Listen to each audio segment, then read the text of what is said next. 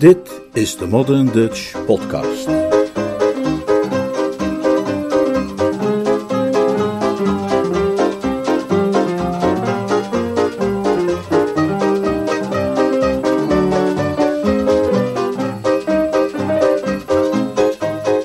Ukridge's gastvrij tehuis. Een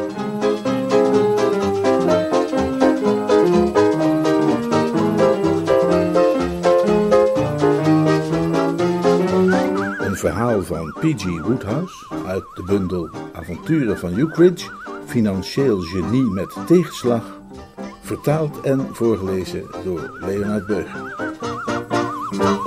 Vandaag het eerste deel.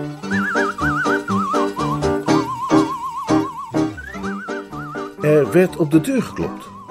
Ik zat meteen recht overeind. Behalve Macbeth is er geloof ik niemand ooit zo vreselijk geschrokken van een nachtelijke klop op de deur. Het was drie uur in de ochtend en dan verwacht je op een Londense huurkamer niet op die manier te worden gewekt. De deur ging open en een kaars op een blaker bescheen het gezicht van mijn huisbaas Bowles. Zijn gezicht leek op dat van een Romeinse keizer. Zoals alle kamerverhuurders rond Sloane Square was Bowles vroeger butler geweest en zelfs gekleed in zijn geruite kamerjas behield zijn verschijning nog opvallend veel van de majesteitelijke kilheid die mij overdag altijd zoveel stille vrees inboezemde. Neemt u mij niet kwalijk, meneer, zei hij op de gereserveerde toon waarop hij mij placht aan te spreken. Beschikt u bijgeval over de somma van acht shilling en zes pence? Acht shilling? En zes pence, meneer. Voor meneer Ukridge, meneer. Bij het uitspreken van die naam leek in zijn stem een warme bewondering door te klinken. Een van de grote raadselen in mijn leven is hoe het komt dat deze godgelijke man mij, die toch altijd keurig op tijd de huur betaalt, nog steeds tegemoet treedt met een koele afstandelijkheid, als was ik iets smoezeligs en onvolwassens met knieën in zijn broek, dat hij zojuist had betrapt op het nuttige van de entree met behulp van een vismes, terwijl hij zich altijd uitgesproken kruiperig begint te gedragen als het gaat om Stanley Fanshawe Ukridge, die zoals bekend van jongs af aan een maatschappelijk misbaksel van de ergste soort is geweest. Voor meneer Ukridge? Ja, meneer. Waar heeft meneer Ukridge acht en een halve shilling voor nodig? Om zijn taxi te betalen, meneer. Bedoel je dat hij hier is? Ja, meneer. Met een taxi? Ja, meneer. Om drie uur in de ochtend? Ja, meneer. Ik begreep er niets van. Al Ukridge's activiteiten van de laatste tijd waren trouwens nogal in nevelen gehuld. Ik had hem al in geen maanden gezien, hoewel ik wist dat hij op Wimbledon Common verbleef om op het huis te passen van zijn tante Julia, de beroemde romanschrijfster, die op reis was naar het buitenland. Het meest geheimzinnig van alles was nog de brief geweest, die ik op zekere ochtend van hem had ontvangen, met een briefje van tien pond erin. Het geld was, schreef hij, bedoeld als gedeeltelijke aflossing van de vele leningen die hij in de loop van de jaren van mij had mogen ontvangen en waar hij mij niet dankbaar genoeg voor kon zijn. Voor dit miraculeuze fenomeen had hij geen andere verklaring gegeven dan dat hij dankzij zijn reusachtig genie en zijn mercuriale vermogens uh, uiteindelijk de weg tot ware rijkdom had ontdekt. Uh, nou, uh, ja, er ligt wel wat geld naast de spiegel. Dank u, meneer. Heeft meneer Jukwits nog gezegd waarom hij zo nodig Londen in het holst van de nacht onveilig moet maken in een taxi? Nee, meneer. Hij informeerde uitsluitend naar de beschikbaarheid van onze logeerkamer en vroeg of ik whisky en soda gereed wilde zetten, hetgeen ik heb gedaan. Dus hij logeert hier nu? Ja, meneer, antwoordde Bowles met zichtbare tevredenheid. De uitdrukking op zijn gezicht deed mij sterk denken aan de vader van de verloren zoon. Ik deed mijn kamerjas aan en ging de woonkamer binnen. Daar stonden, zoals Bowles al had verraden, whisky en soda gereed. Ik behoor niet tot de mensen die er een gewoonte van maken om te drinken in de kleine uurtjes, maar op dit moment leek het mij een verstandige voorzorgsmaatregel een stevige borrel te nemen. Het is mijn ervaring dat het juist bij die gelegenheden waarop S.F. Ukridge uit het niets in mijn midden verschijnt, maar het beste is om welbeslagen ten ijs te komen. Het volgende ogenblik beefde de trap onder de dreunende tred van stampende voeten en trad de kennelijk gramstorige man in hoogst eigen persoon de kamer binnen. Wat is er in hemelsnaam? begon ik te roepen. Het was niet voor niets dat ik mij zo opwond. Ik was voorbereid op Ukridge, maar niet op de wijze waarop hij was gekleed. Ukridge ging nooit erg zorgvuldig gekleed, maar ditmaal had zijn uiterlijke verzorgingen beslist ongekende diepte bereikt. Hij droeg de gele regenjas die hem tijdens al zoveel roemruchte avonturen heeft getooid, ditmaal over niets anders dan een gestreepte pyjama. Aan zijn voeten droeg hij pantoffels, maar zonder sokken. Zijn hele uiterlijk deed denken aan iemand die zojuist uit een nachtelijke brand is gered. In antwoord op mijn ontstelde uitroep stak hij zijn hand op bij wijze van groet. Na vervolgens de pince te hebben rechtgefutseld, die achter zijn flaporen was bevestigd met behulp van het ijzerdraad van een champagnekurk, stortte hij zich krachtdadig op de whiskyfles. Ga, zei hij, toen hij zijn glas weer neerzette. Waarom zwerf jij in hemelsnaam, vroeg ik, in zulke kleren door de stad? Hij schudde zijn hoofd. Ik zwerf niet, uh, Corky, beste knauw. Ik kom regelrecht per taxi uit Wimbledon Common. En weet je waarom, knabo? Omdat ik wist dat een ware vriend als jij vast en zeker een kaarsje voor me in het raam had staan en een touwtje uit de brievenbus had hangen. En zit jij tegenwoordig een beetje goed in je sokken? Nou ja, ik heb wel een paar sokken, antwoordde ik op mijn hoede. Ik heb morgen een paar nodig. En een overhemd, een ondergoed, een das, een pak, een hoed, een paar schoenen en bretels. Wat jij hier voor je ziet staan, Corky, is een volkomen berooid man. Een man die weer helemaal bij nul moet beginnen, als het ware. En waarom ben jij in je pyjama? Ja, dat is de gebruikelijke slaapkledij van de Engelse heer. Ja, maar je slaapt toch niet? En dat was ik wel aan het doen, zei Euclid, en het was alsof er een vleug van pijn over zijn gezicht trok. Een uur geleden, Corky, misschien anderhalf uur, lag ik vredig te slapen als een tevreden os. Maar toen. Hij deed een greep in mijn kistje sigaren en rookte een tijdje terwijl hij in stilte ergens op broedde. Nou ja, zei hij tenslotte. Hij uitte iets dat kennelijk bedoeld was als een vreugdeloze lach. Ja, dat is het leven, zei hij. Het leven, dat is de eenvoudigheid, leven. Heb je dat tientje nog gekregen dat ik je gestuurd heb, Corky? Jawel. Dat was zeker nogal een verrassing. Ja, ja, zeker. Nou, toen ik dat tientje ophoestte, weet je wat dat toen voor mij was? Niets. Helemaal niets. Een bagatel, een onbeduidende splinter van mijn inkomen. Van je wat? Van mijn inkomen, knabo. Niet meer dan een minieme fractie van mijn regelmatige inkomen. Hoe kwam jij nou aan een regelmatig inkomen? Uit het hotelwezen. Uit mijn aandeel in de opbrengsten van Euclid's gastvrij tehuis. Ik heb het nooit echt zo genoemd, maar dat is wel ook er een gedachte naar keek. Een gastvrij tehuis. Opnieuw trok er een wolk over zijn expressieve gezicht. Maar wat een goudmijn was het, zolang het duurde. Tja, herhaalde hij, zolang het duurde. Dat is nu eenmaal het probleem met de goede dingen des levens. Komt altijd weer een einde aan. Hoe was dit goede ding trouwens begonnen? Dat was een idee van mijn tante. Nou ja, een idee van mijn tante, het zat zo, Corky. Je hebt tegenwoordig toch die sprekende films? Nou, sindsdien speuren filmproducenten stad en land af naar knapen van beide kunnen, die een beetje goede dialoog kunnen schrijven. En het duurde niet lang of ze scoorde ook mijn tante. Hm? Ze heeft een contract getekend om een jaar naar Hollywood te gaan. En de laatste woorden die ze tegen me zei, met haar hoofd uit het raampje van de boottrein op Waterloo Station, waren: Denk eraan dat je het huis onder geen voorwaarden in mijn afwezigheid aan iemand verhuurt. Ja, je, jij weet toch wel wat het hekels heeft aan vreemdelingen in haar huis. Ja, dat heb ik gemerkt die keer dat jij me daar had uitgenodigd om te komen eten en ze onverwacht thuis kwam. Precies. Maar ik zweer je, Corky, tot op dat moment was ik helemaal niet van plan iets anders te doen dan keurig op dat huis te passen en tegen inbrekers te blaffen. Ik zag een kalm en rustig jaartje voor me, waarin ik een beetje om me heen kon kijken, op zoek naar een plekje in het leven dat voor mij geschikt zou kunnen zijn. De butler en de rest van de huishoudelijke staf werd op een laag pitje doorbetaald. Ik was verzekerd van mijn dagelijkse kostje. De toekomst zag er niet erg spannend, maar beslist rooskleurig uit. Ik was tevreden mens. En op dat moment sprak mijn tante die ondoordachte woorden. Ja, ik weet niet of jij een beetje thuis bent in de geschiedenis, Kokkie, maar als dat het geval is, dan zul je met me eens zijn dat de meeste ellende in deze wereld is voortgekomen uit ondoordachte uitspraken. Je hebt alles netjes voor elkaar, alles loopt keurig op rolletjes. En dan doet er opeens een of andere vrouw weer zo'n ondoordachte uitspraak. En hopsakee, geef je mijn woord als spatvinder dat ik voordat tante Julia mij met haar elleboog in het oog van een medepassagier en met een bezwerend gebaar van haar andere arm in mijn richting mij die afscheidswoorden toevoegde, ik er geen seconde aan gedacht had om de Cedars Wimbledon Common te veranderen in een hotelpension. Dit lijkt mij groots. Ik hapte bewonderend naar adem.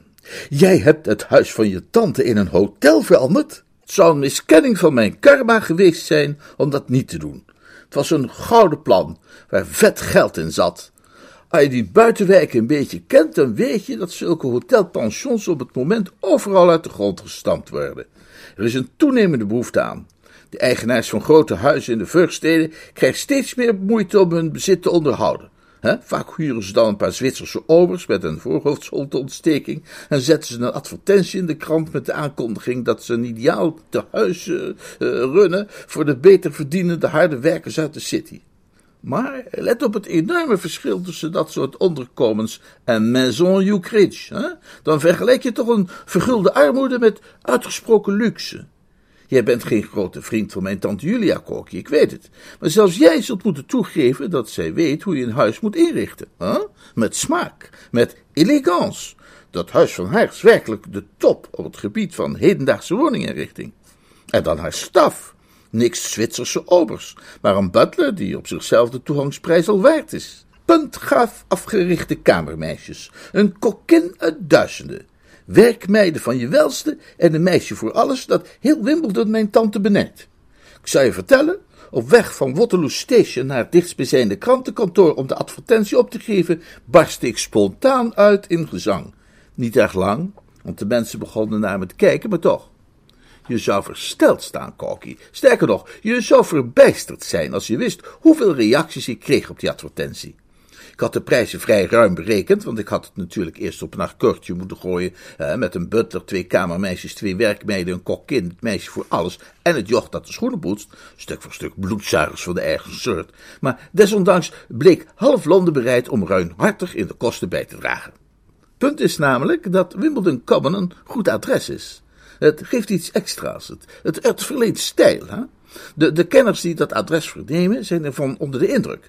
Stel je bent zo'n geldverdiener uit de city en je komt zo'n andere geldverdiener uit de city tegen. En dan zeg je terloops tegen hem: Kom toch eens bij me langs, beste kerel. Je kunt me altijd vinden in de Cedars, Wimbledon, Common. Nou, dan zul je zien dat hij acuut een wit voetje bij je gaat proberen te halen en je waarschijnlijk uitnodigt voor de lunch. Dus, zoals ik zeg, ik werd overstroomd, letterlijk geïnundeerd met boekingen. Ik hoefde niets anders te doen dan de Paris-appel te werpen. De welgemikte vrucht kwam in de eerste plaats terecht bij luitenant-kolonel B.B. Bagnew, voorheen van het vierde regiment Loyal Lincolnshires, en Lady Bastable, de weduwe van zo'n nieuw geridderd type uit het noorden. Nou, de rest bestond uit degelijke, betrouwbare figuren die druk bezig waren de ruggengraat van ons land te vormen.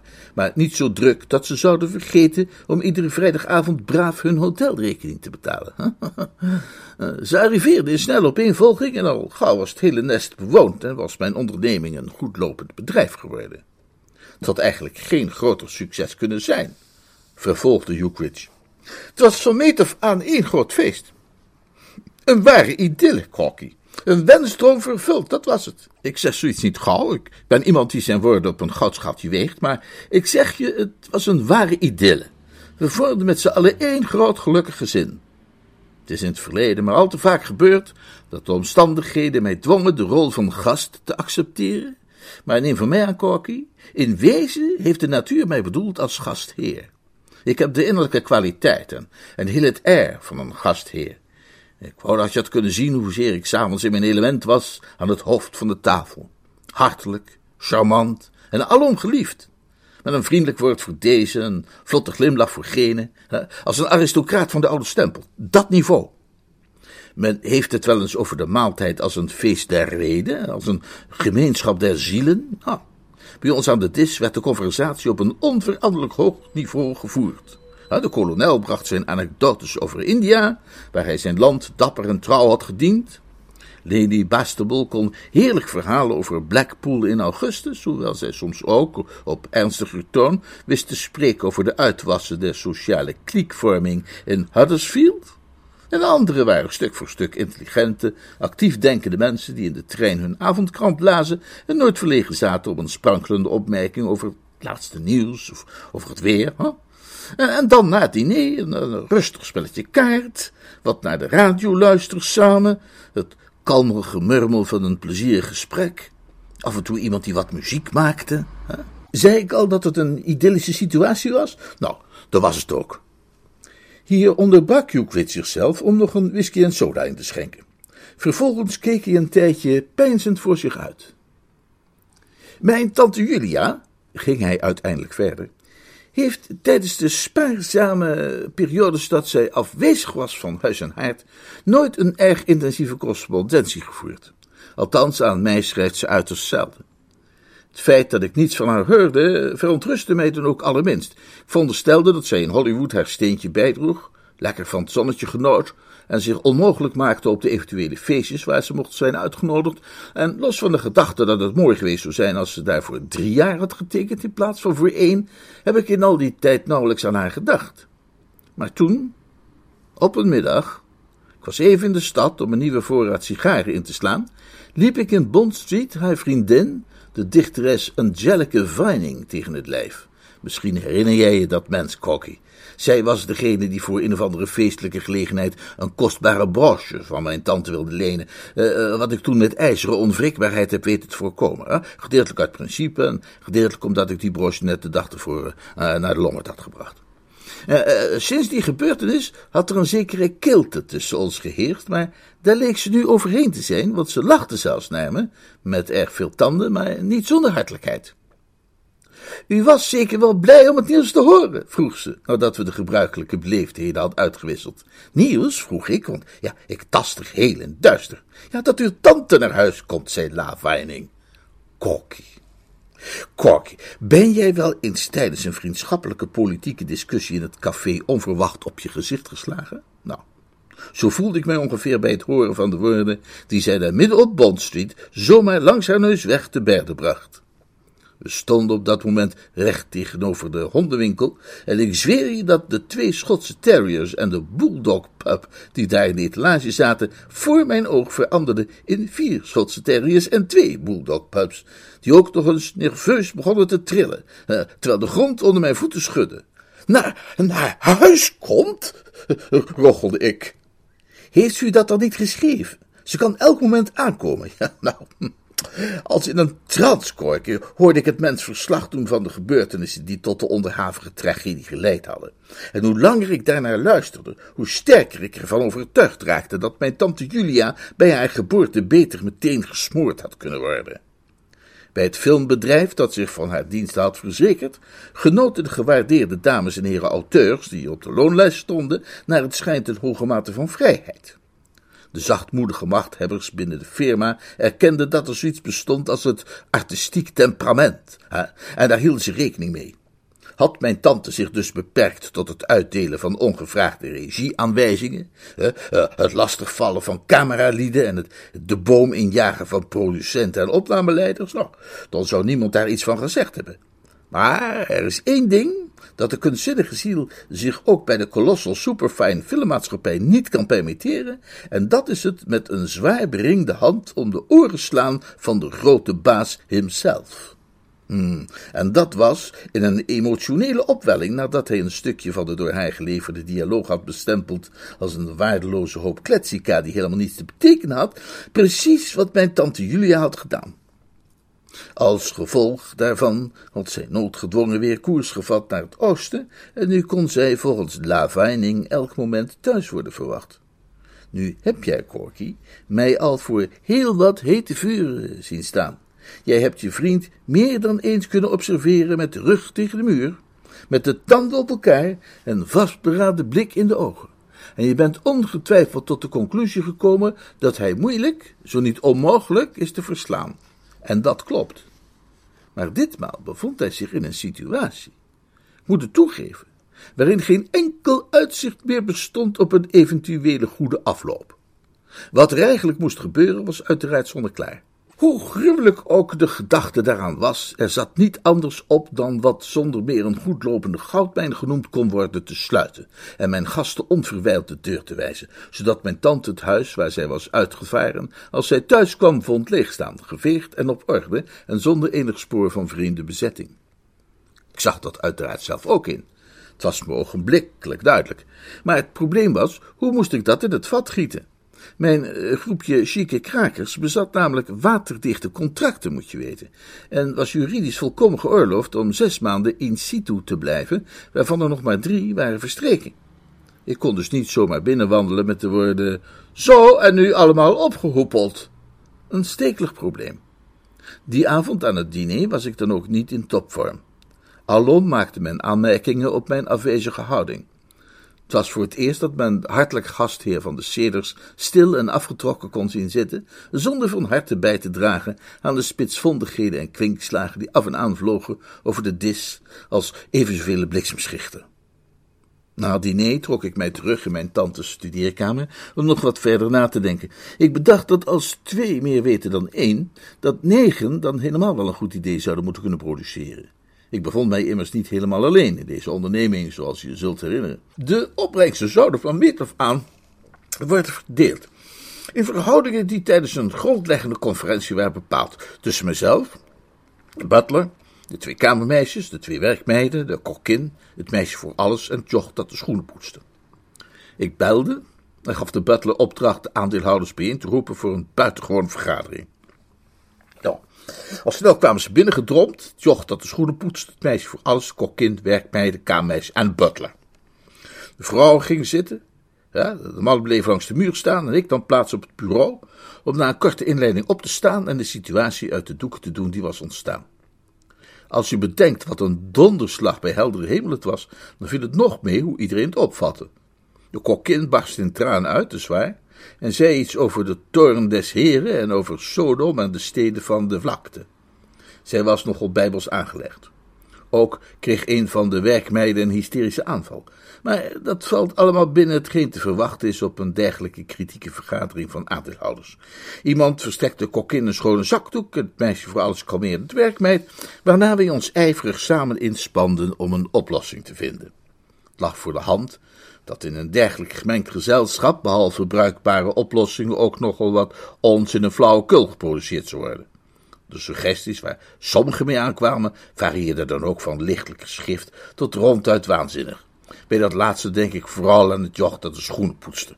Klein sproetig ventje was dat, een broekie, dat men bovendien als zuigeling alles vreselijk op zijn hoofd had laten vallen, en dat vervolgens de voor leren bestemde jaren van zijn jeugd kennelijk had doorgebracht met het lezen van stripverhalen en flodderboekjes. En je zult het niet willen geloven, Corky, maar zijn voorstel voor een oplossing was dat wij ons allemaal als spoken zouden verkleden en zo onze betalende gasten uit huis zouden verjagen. Uh, je krijgt een beetje de indruk van de toestand waarin ik door, door, door mijn gepieker was terechtgekomen als ik je vertel dat ik zijn waanzin-idee zelfs een ogenblik lang werkelijk heb overwogen. Daarna realiseerde ik me natuurlijk meteen de onbruikbaarheid van een plan waarbij negen geestverschijningen van beide kunnen het huis onveilig zouden maken. En ik vroeg hem nog eens opnieuw na te denken. Vervolgens stelde hij voor om een commissie uit ons midden samen te stellen die tante Julia en sergeanten van de trein moest halen, om haar dan te ontvoeren en ergens in een kelder tot nader orde gevangen te houden. Een aantrekkelijk neveneffect van dat plan, voegde hij eraan toe, was dat tante Julia door het op gezette tijden afhakken van een vinger of een teen ook nog eens kon worden aangezet tot het tekenen van aanzienlijke checks, waar wij allemaal veel plezier van konden hebben. Ja, dat moment greep de butler het ventje bij zijn oren en slingerde hem de kamer uit. Daarna begon het allemaal wat helderder en serieuzer te worden. En uiteindelijk spraken we af dat een vriend van de butler langs zou komen in de gedaante van een gemeentelijke inspecteur der rioleringen, die dan het afvoersysteem van de ceders als levensgevaarlijk zou afkeuren. De butler beweerde dat naar zijn ervaring zowel dames als heren van een zekere stand over het algemeen sterk gevoelig waren voor kritiek op de hygiënische omstandigheden van de huizen waarin zij vertoefden. Zijn vriend, meende hij, zou de rol van rioolinspecteur gaarne spelen voor een enkel pond, plus de reiskosten van Putney naar Wimbledon Common vice versa en een glas bier. En aangezien niemand een beter idee had, was dit het plan dat we besloten uit te voeren. Dit was het eerste deel van dit verhaal. Volgende week volgt in de Modern Dutch Podcast het tweede en laatste deel.